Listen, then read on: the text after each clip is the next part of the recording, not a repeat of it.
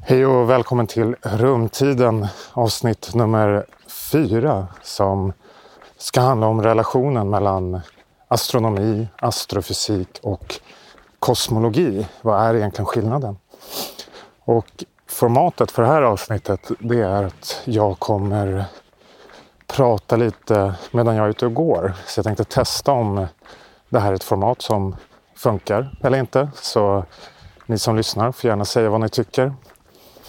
Och just nu så är jag på väg till min eh, arbetsplats vid Europeiska sydobservatoriet utanför München i Tyskland. Det är en dimmig eh, morgon och jag går på en väg vid ett fält här. Och eh, Europeiska sydobservatoriet det är en organisation som eh, sysslar med astronomi. Man har flera teleskop som man har byggt i Atacamaöknen i Chile och som man driver. Men eh, när jag kom dit så pratar folk inte bara om astronomi, de pratar också om astrofysik. Och eh, för min del så jag har doktorerat i fysik, men när jag doktorerade så forskade jag om kosmologi och senare så forskade jag även inom astrofysik. Så då kan man ju fråga sig vad, vad är egentligen den här skillnaden mellan astronomi och astrofysik och kosmologi och även fysik? Varför använder man olika begrepp för det? Så jag tänkte reda ut det i det här avsnittet. Och vi börjar med astronomi. Eh, vad är astronomi för någonting? Och på sätt och vis är är astronomi det är ju en av eh, människans äldsta verksamheter kan man säga. Det handlar ju om att titta upp mot himlen, mot natthimlen från början då och studera vad som händer där. Att titta på stjärnorna, kartlägga dem, titta på planeterna, hur de rör sig, om det dyker upp kometer, eh, hur rör de sig på himlen? Och från början så handlar det här om saker som att eh, kunna navigera, att kunna eh, se hur, och hålla tideräkning, Eh, planera för eh, religiösa högtider och så vidare.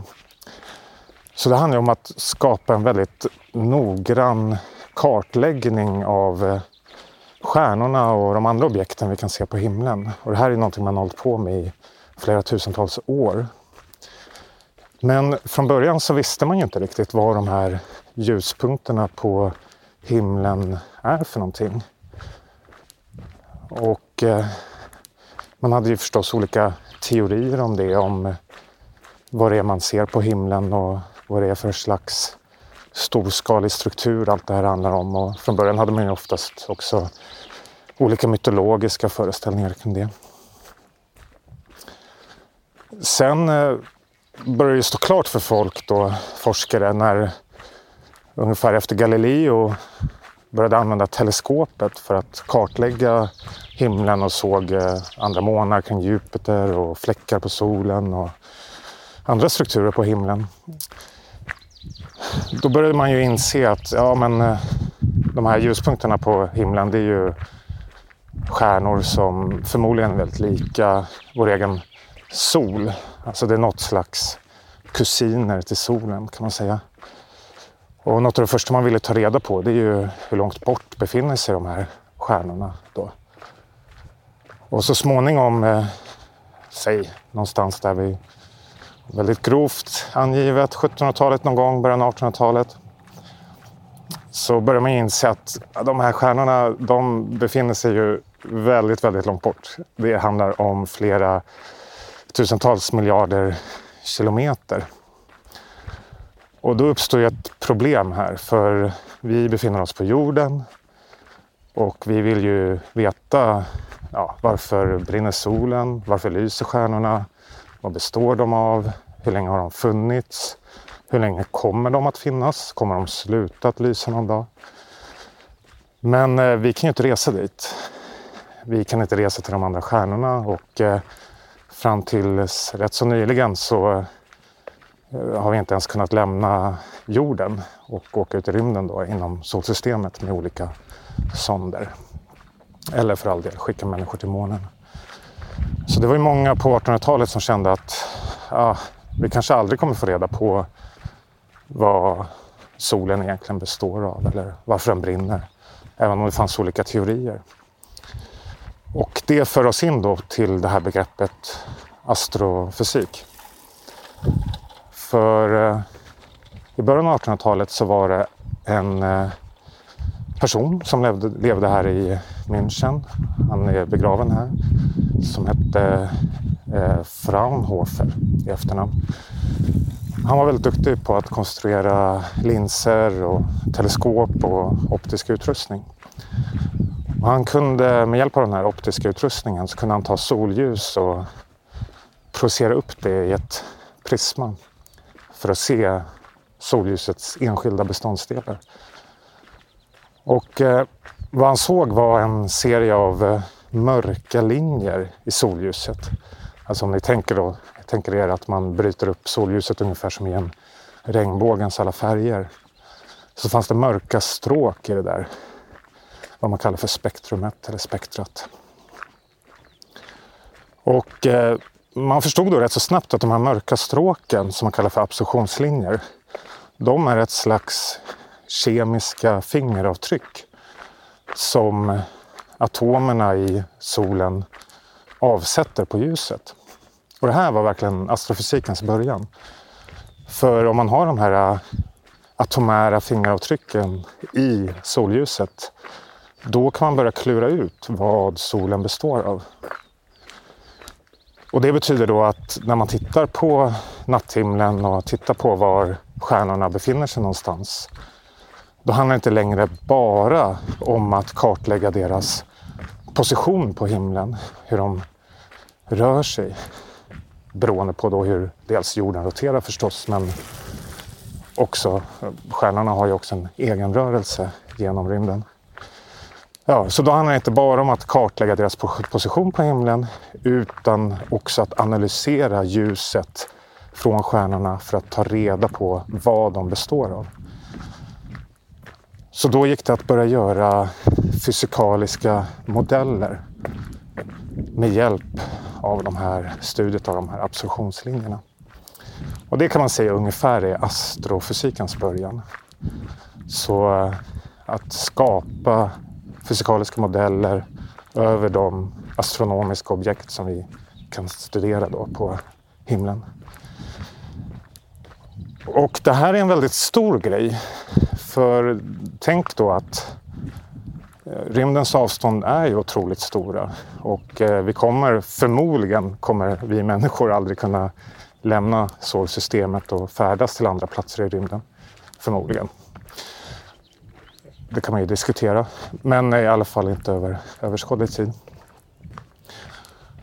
Men det här innebär att vi kan använda de eh, experiment och matematiska modeller och verktyg som vi har utvecklat för att studera här fenomen här på jorden för att också förstå objekt långt ute i rymden.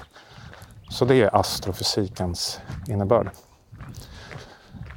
Idag har dock astronomi och astrofysik, det, i mina ögon så är det i princip utbytbara ord. Förvisso så är astronomi fortfarande en astronom någon som vet hur ett teleskop fungerar, som kan samla in data med hjälp av teleskop. Och med hjälp av den här datan så kan man sedan skapa och bygga astrofysikaliska modeller. Och I princip kan du hålla på med astrofysik utan att någonsin ha gjort observationer med ett teleskop. Det var till exempel det jag höll på med när jag forskade om mörk materia. Det var att bygga astrofysikaliska modeller. Men idag används orden väldigt utbytbart. Det handlar ju helt enkelt om att studera vad som händer ute i rymden. Men då kan man ju fråga sig det här med kosmologi då. Vad är det?